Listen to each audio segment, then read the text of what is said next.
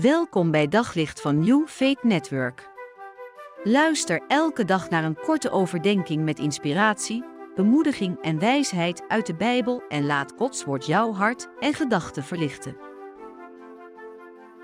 Tony Chocoloni laat het in hun repen heel duidelijk zien. Het is in de wereld oneerlijk verdeeld. Het voedsel is oneerlijk verdeeld. En sommige mensen hebben meer dan genoeg om te eten en sommige mensen hebben veel en veel te weinig.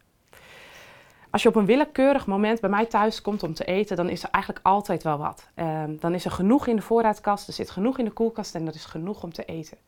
En ergens voelt dat oneerlijk als ik denk aan die mensen die ik ontmoet die nauwelijks iets te eten hebben. Mensen in andere landen die soms het eten moeten verzamelen op een vuilnisbelt. En waarvan je weet dat ze lang niet elke dag genoeg hebben.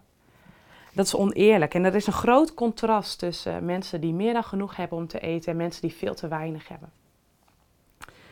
Ik wil met jullie een tekst lezen uit Exodus, Exodus 16, vers 4 en 5. En dat gaat over het volk Israël. En zij klagen op een gegeven moment dat ze geen eten meer hebben. En dan zegt de Heer dit tegen Mozes: Ik zal voor jullie brood uit de hemel laten regenen. De mensen moeten er dan elke dag op uitgaan om net zoveel te verzamelen als ze voor die dag nodig hebben. En daarmee stel ik hen op de proef. Ik wil zien of ze zich aan mij, aan mijn voorschriften houden. God voorziet op een hele creatieve manier ehm, in eten. Hij laat brood uit de hemel regenen. Nou, um, kan je het nog mooier hebben. En dat zien we eigenlijk veel vaker in de Bijbel. Dat God op hele unieke manieren mensen te eten geeft. De, vijf broden en twee vissen. Um, vijfduizend mensen die daardoor gevoed worden.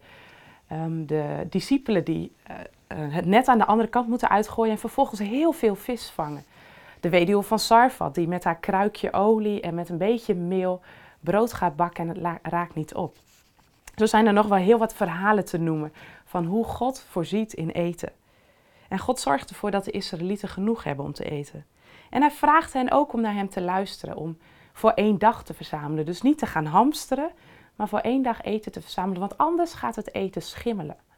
En uh, dan vergaat het. Dus ze krijgen echt de uitdaging om God te vertrouwen dat hij voor elke dag voorziet. Behalve op die Sabbat dan, of de dag voor de Sabbat, dan mogen ze voor twee dagen verzamelen. God zal ze geven wat ze nodig hebben iedere dag. En hierdoor leert het volk met respect omgaan met het voedsel wat God hen geeft. En daar kunnen wij van leren, want hoe gaan wij om met het eten dat God ons geeft? Hoe respectvol gaan we daarmee om? En nou ja, hoe uh, gaan we om met het weggooien van voedsel? Probeer het maar eens de komende week. Probeer maar eens gewoon om een week lang uit je voorraadkast te eten. En kijk eens hoe ver je komt. En wees creatief. En dan niet stiekem van tevoren gaan hamsteren als je daaraan begint. Op zoek naar nog meer geloof, hoop en liefde. Op New Faith Network vind je honderden christelijke films, series en programma's. Nog geen lid? Probeer het 14 dagen gratis op newfaithnetwork.nl.